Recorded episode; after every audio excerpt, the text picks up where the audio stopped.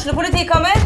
Ine Jansen er purk. Er du purk? The motherfucking bitch. Alt jeg vil, er å finne ut hva som skjedde med mannen min. Jon Carew. Er jeg sikta for noe? Iben Akeli. Det er du. Ole So, Lars Berrum og Big Daddy Karsten. Hvem sin side er du på, egentlig? Anette Hoff, Tone Danielsen, Kommer du fra Afrika? Jørnis Josef, Nesten. Kløfta. Trond Espen Seim, Det er synd å si det, men det var feil mann som døde. Purk. Premiere tirsdag på TV2 Play.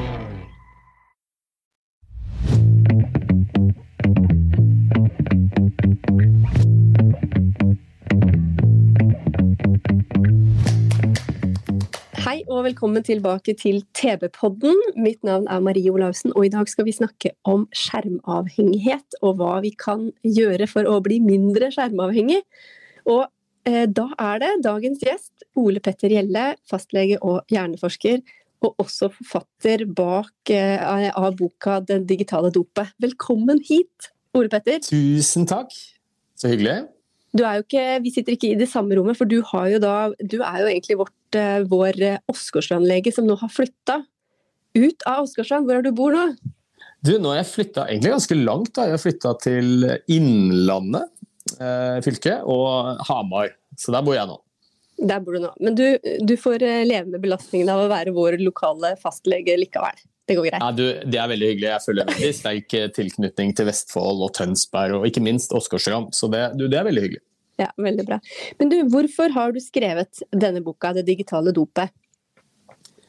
Jeg har jo skrevet den først og fremst fordi jeg er faglig sett veldig opptatt av, eh, av hjernen. Og så er jeg litt over middels opptatt av folkehelse og hva er det som utgjør eller fører til god helse hos eh, barn og hos voksne. Og, um, og I den forbindelse så ser vi jo at eh, det å sitte stille det er en av de skumleste tingene vi gjør. Veldig mye for barn og voksne. Det er kanskje en av de viktigste risikofaktorene vi har for å bli syk senere i livet. Og det, det er omtrent like farlig som å være storrøyker. Og så ser vi jo at i dag så bruker vi eh, kanskje fire-fem timer, de aller fleste av oss, eh, stillesittende bak en skjerm. Altså Vi bruker fire til fem timer på noe vi ikke brukte noe tid på for 10-15 år siden. Eh, Og det er klart Det stjeler tid fra annen, andre ting som er viktig for oss mennesker. Så det er kanskje det, det, jeg er mest opptatt av, at den skjermen den stjeler mye viktig tid. Spesielt for barn og unge. Fra ting som er helt nødvendig for normal utvikling og god helse. Dette med bevegelse og lek, søvn, sosiale, ja, sosiale relasjoner, vennskap, og bruke tid med de man er glad i. Så det er det vi har bytta ut? Ja, det, har byttet, så, ja det, det, er jo det i stor grad. Også, så Det er liksom den profesjonelle interessen min i akkurat dette her. Og så er jeg veldig opptatt av hva gjør det med hjernen vår, da? spesielt mental utvikling, mental helse. Det å bruke skjerm så mye. Og så har jo jeg barn selv også. Jeg har tre barn, skråstrek ungdommer. Og jeg ser jo hvor utrolig infiltrert altså Hvordan denne skjermen har infiltrert livet deres, og også mitt, selvfølgelig. Og hvor stor del av deres liv som er det digitale livet. Og som alle, eller tror jeg veldig mange foreldre, så er jeg litt, litt bekymret over all den tiden som går med til å sitte stille bak en skjerm for mine barn. Er det for få som bekymrer seg? Syns du? Nei, altså Nå er jo ikke bekymring noe sånn veldig god egenskap i seg sjøl. Altså det å bare bekymre seg skaper jo stort sett bare trøbbel for oss, og er jo absolutt ikke bra for helsa, det. Um, jeg tror kanskje vi ikke er nok oppmerksomme på det. Jeg vil heller bruke det ordet enn at vi ikke er nok bekymra, og at vi kanskje skal snakke litt mer om det. Uh, som sagt så er det, og det er jo ganske utrolig at vi nå i løpet av Altså Smarttelefonen kom jo i 2007-2008, der kom iPhonen. Og før det så brukte vi veldig lite tid på skjerm. Nå bruker vi altså fire til seks timer, veldig mange av oss, hver eneste dag. Og det er ikke hjernen vår helt klar for. Og det, som sagt så, så stjeler det mye viktig tid fra andre ting som er så nødvendig for at vi skal ha det bra. Så, så, ja, så kanskje skal vi ikke være så veldig bekymra, vi skal være mer oppmerksom på det og tørre å snakke om det. Hva er det som skjer med hjernen når vi hele tida eh, tyr til den skjermen? Du skriver i boka di at eh, 150 ganger om dagen plukker vi opp telefonen i snitt. Det er jo mange, er mange forstyrrelser for hjernen. Hvordan reagerer den på det? Ja, altså, jeg tror vel en som sa det best at Og det er en som har tidligere jobbet i Facebook høyt oppe, som sa at poenget med Facebook det var aldri å forene oss sånn at vi skulle kunne snakke sammen. Altså, det var å distrahere oss. og Det tror jeg mange kjenner seg igjen i. At den telefonen har blitt et sånn distraksjonsmoment med en gang vi har mulighet. Og, selv om vi egentlig ikke har mulighet, så blir vi fanget av den telefonen. Enten vi kjører bil, eller sitter i møter, eller er på do, eller er inne i senga vår. Altså spiser middag. Den er på en måte med oss overalt. Og um, vi ser jo også at veldig mange bruker telefonen og skjermen mer enn det vi egentlig ønsker. Eh, og det tror jeg handler om at den er avhengighetsskapende. Det blir som veldig mye annet vi er avhengig av. Kanskje er det kanskje er det sigaretter, hva det måtte være for noe, som gjør at vi gjør dette litt ubevisst. Vi bare plukker opp telefonen, og så er vi litt på den. Enhver mulighet vi har. Så, og det er jo fordi at telefonen, appene, plattformene vi bruker, de er laget for at vi skal bruke mest mulig tid der. De er laget for å hekte oss. Hvilke konsekvenser får det for eh, kroppene våre?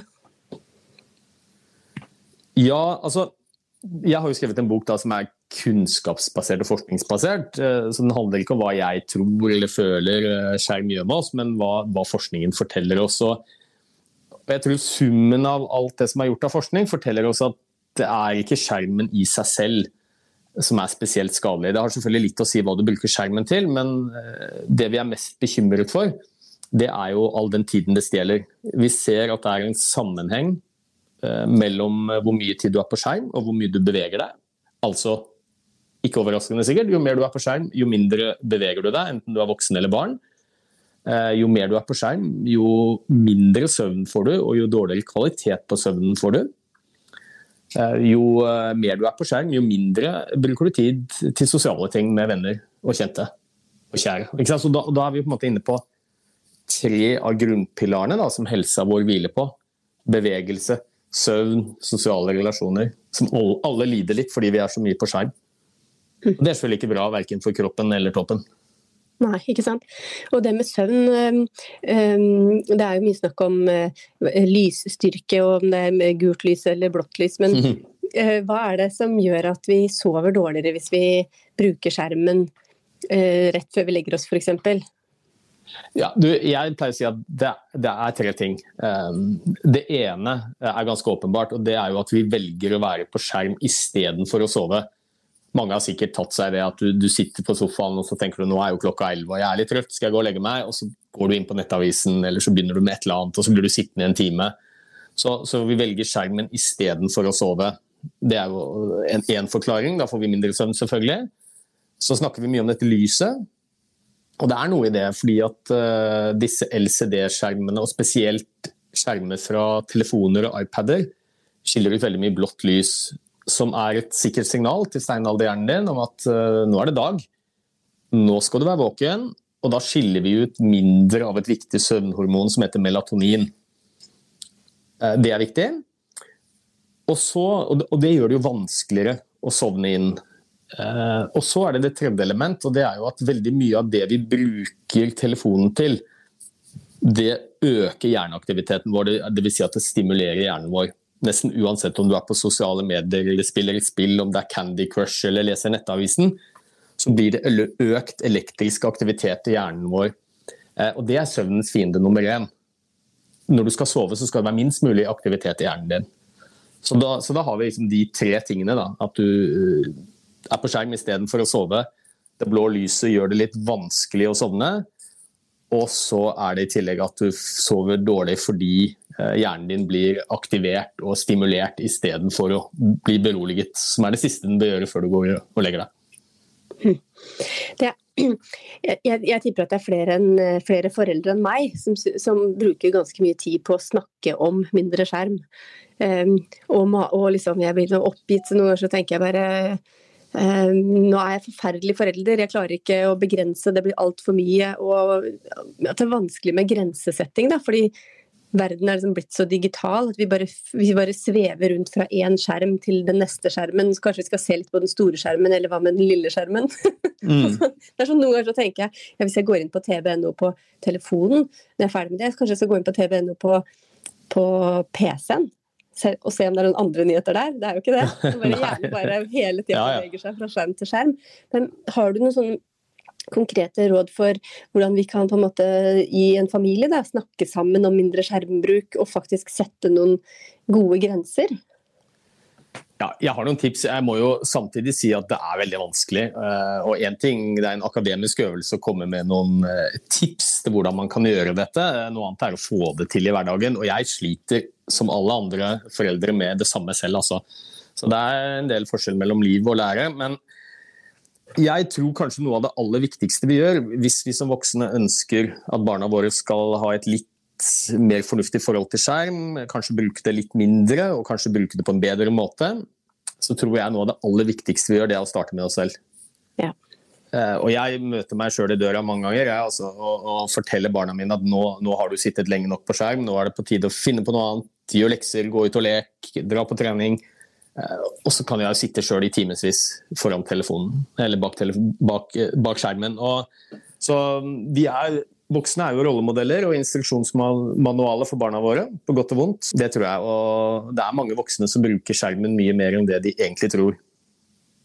Så Et lite tips kan være å gå inn på den skjermappen, skjermtidappen. skjermtid-appen. som Det er sjelden noe hyggelig greie, for da ser vi at vi er mye mer på skjerm enn det vi tror.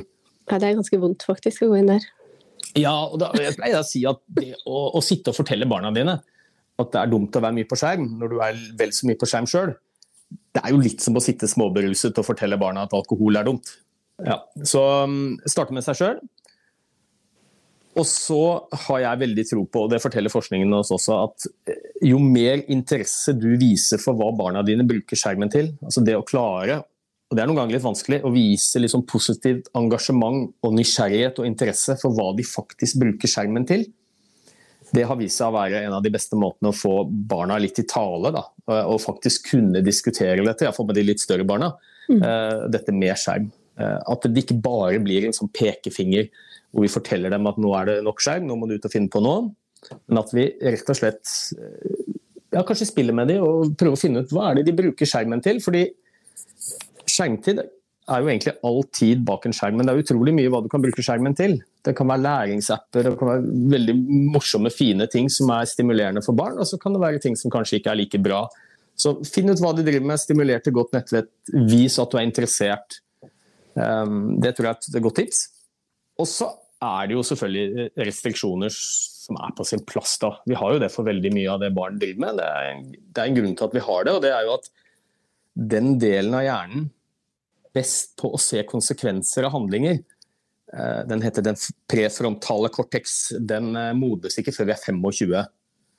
Eh, Og Det er jo en forklaring på hvorfor barn og ungdommer de har dårligere impulskontroll, de har mer risikoatferd. De har ikke samme evne som oss voksne til å se konsekvensen av det de gjør. Så det er helt klart at noen restriksjoner er på plass. Men der er barn utrolig forskjellige. Altså, noen regulerer dette veldig fint sjøl. Hvis man f.eks. sier at to timer om dagen er maks av det du kan være eh, på nett, så er det noen som fikser det helt fint sjøl. Mens andre hadde sittet der hele dagen hvis du ikke hadde dratt de ut eller slått av wifi-en eller laget noen tydelige restriksjoner. Um, så der er vi veldig forskjellige. Og så tror jeg det er utrolig viktig å ta disse samtalene om skjermtid eh, i fredstid. Altså ikke ta det når poden har sittet syv timer og spilt Fortnite.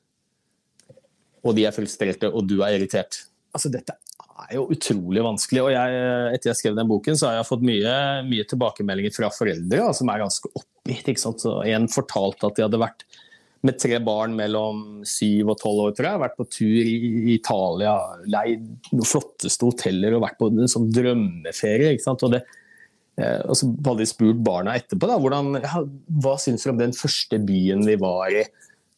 Ja, hva var det den Nei, Det husker jeg ikke, vet, men jeg husker bare at det var veldig dårlig wifi der. Ja, ok da. Men den andre byen vi var i altså, det, var sånn, det viktigste som hadde skjedd på den ferien, det handlet om wifi.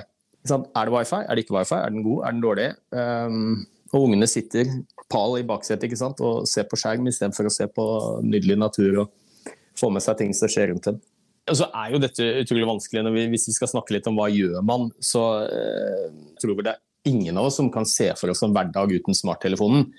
Den gjør jo beriker livene våre på mange måter, gjør livet mye enklere. Eh, og det er jo faktisk mange ting som nesten er litt vanskelig å få til eh, hvis du ikke har en smarttelefon. Altså, bortsett selvfølgelig fra det å være på telefon, men du melder på ungene dine på idrett, du betaler parkeringen din, eh, regninger altså, Du bruker den til alt mulig. Og for barna så er det et viktig læringsverktøy. Det er et viktig verktøy for å kunne holde kontakt med venner og kjente rundt om forskjellige steder. og så det er jo ikke bare ensidig negativ. Så jeg tror mest det er liksom omfanget som er problematisk. Da. Vi skal fortsette å bruke skjerm, men det er klart når det blir et omfang som gjør at kanskje en, nesten en fjerdedel av døgnet blir borte til å sitte på skjerm, da er det mye annet som går vekk. Som er veldig viktig for oss. Ja, da forsvinner livet vårt inn i skjermen, rett og slett. Ja, Dagene går. Ja, så det er liksom Mitt sånn hovedmantra da, det er at det er ikke skjermen i seg selv som er farlig, men uh, det er mer det at uh, det er alt det andre du ikke gjør når du er på skjerm, um, som er dumt. Men så ser vi også at som forskningsmessig så ser vi en veldig klar og tydelig sammenheng mellom det å bruke mye tid på sosiale medier spesielt, da, og dårlig mental helse. Så Det er liksom det, det, det, klareste forskningsfunnet. Det er ikke skjermtiden i seg selv nødvendigvis, men hva du bruker skjermen til og av alle de tingene vi bruker skjerm til, så er det å være mye på sosiale medier, som jo veldig mange bruker mesteparten av skjermtiden sin til, spesielt jenter, eh, det viser seg ikke være spesielt bra for vår mentale helse. Hva er det vi opplever på sosiale medier som er problematisk? Det vet vi jo ikke helt sikkert, for dette er observasjonsstudier da, hvor vi ser en rekke mennesker som bruker skjerm henholdsvis mye og lite og så ser vi på forekomsten av mentale utfordringer osv. Det er såkalte observasjonsstudier. Så de sier ikke noe sikkert om årsakssammenheng. Eh, og Sånne studier er litt vanskelig å gjøre, men det vi tror, eh, som vi er rimelig sikre på, er at det i hvert fall handler om at altså hvordan vi, og spesielt unge mennesker, da, opplever at vi har det sjøl. Vårt eget selvbilde, identitet, hvordan vi verdsetter livene våre det handler mye om hvordan vi er det. Altså, vi bruker andres liv og sammenligner oss som en slags målestokk for våre egne liv. Eh, og det har vi jo alltid gjort. Men jeg, altså, jeg vokste opp på 70- 80-tallet, og da kunne jo jeg sammenligne meg med søsknene mine, fetterne mine, vennene mine, naboene mine. Noen få mennesker rundt meg. Men i dag så kan du sammenligne deg med tusenvis, kanskje til og med titusenvis av andre, uten å forlate skjermen en gang. Og Da snakker jeg selvfølgelig om følgere på Instagram og venner på Facebook. og og vi, Hvis dine venner er som mine venner på, på Facebook, så er det, så det glansbildeversjonen av folks liv du får. Stort sett så får du romantiske middager, en eller annen idrettsprestasjon, en fjelltopp som er beseiret. Altså, det er veldig få som skriver om regnværsdager og bæsjebleier og skilsmisser og mistet jobben og alle de tingene som også skjer i et vanlig liv. Så vi tror det at spesielt barn og unge som har en, et selvbilde som er ganske dynamisk og påvirkbart, eh, får et inntrykk av at veldig mange andre har det mye bedre enn hvordan de har det. Når de bruker mye tid på sosiale medier.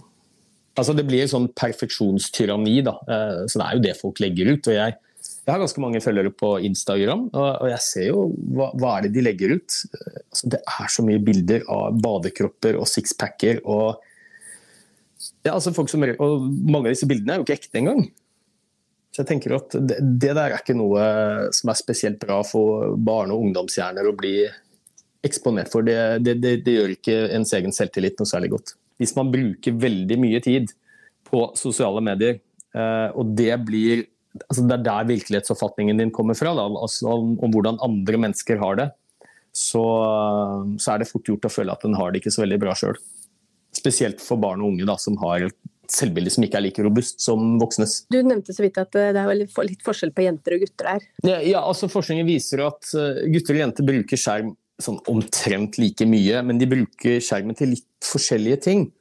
Og generelt sett, da, og det er selvfølgelig store individuelle forskjeller, så er jentene mer på sosiale medier, mens gutta spiller mer.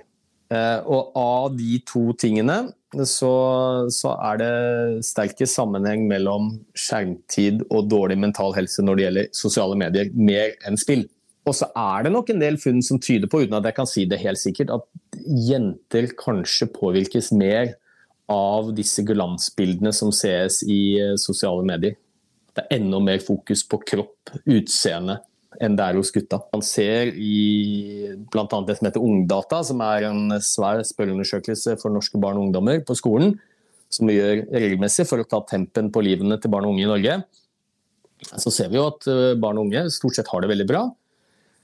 En pil som går litt i gal retning, det er dette med nedstemthet, mørke tanker, ikke har noe særlig positive tanker om framtiden. Det har blitt mye hyppigere enn det var før. Og Så stiller vi oss spørsmålet hvorfor er det sånn. Så tror nå jeg, og det er til dels støttet av forskning også, at mye skjermbruk er faktisk en del av det. Lite bevegelse det vet vi det er en av de viktigste risikofaktorene for å få mentale lidelser. Altså, vi er mye på skjerm, eh, mye på sosiale medier, som ikke er spesielt bra for mental helse. Vi beveger oss mindre, eh, leker mindre. Det er veldig viktig for å styrke den mentale helsa. Og så er det jo noen samfunnstrender og sånn også. Det handler jo om at vi, vi alle sammen lever busy liv, og vi er veldig ambisiøse. Det er utrolig mange arenaer i livet hvor vi skal være gode. Det blir mer og mer fokus på det å være flink. Du skal være, du skal være en god ektefelle, du skal være flink på skolen, du skal være god på jobben, du skal være i god form, du skal ta deg godt ut. Så det er på en måte ingen ende på hva vi skal være gode på. Um, og vi legger jo lista så høyt at vi er dømt til å mislykkes. Nesten alle sammen. Uh, and on that note, som det heter, tror jeg jeg går og setter opp et uh, analogt sjakkspill jeg, før ungene kommer hjem. ja, ikke sant? Klart å ta imot og, og liksom oppfordre til litt eh, ekte samvær uten skjerm. Det er ikke så dumt. Tusen takk for at du hadde tid til å være med. Det har vært veldig mange fine tips. Og så har jeg jo, har jo, noen flere konkrete tips som man eventuelt kan da lese om i boka. Ikke sant? Hvis man vil det. Ja. Og den boka heter Det digitale dopet. Tusen takk for praten, og så må du ha en fortsatt fin dag. I like måte. Takk for at jeg fikk være med. Du har hørt en ny episode av TB-podden, en podkast fra Tønsbergs Blad. Mitt navn er Marie Olaussen, og vår ansvarlige redaktør heter Sigmund Kydland. Har du et enkeltpersonforetak eller en liten bedrift? Da er du sikkert lei av å høre meg snakke om hvor enkelt det er med kvitteringer og bilag i fiken, så vi gir oss her, vi. Fordi vi liker enkelt. Fiken superenkelt regnskap.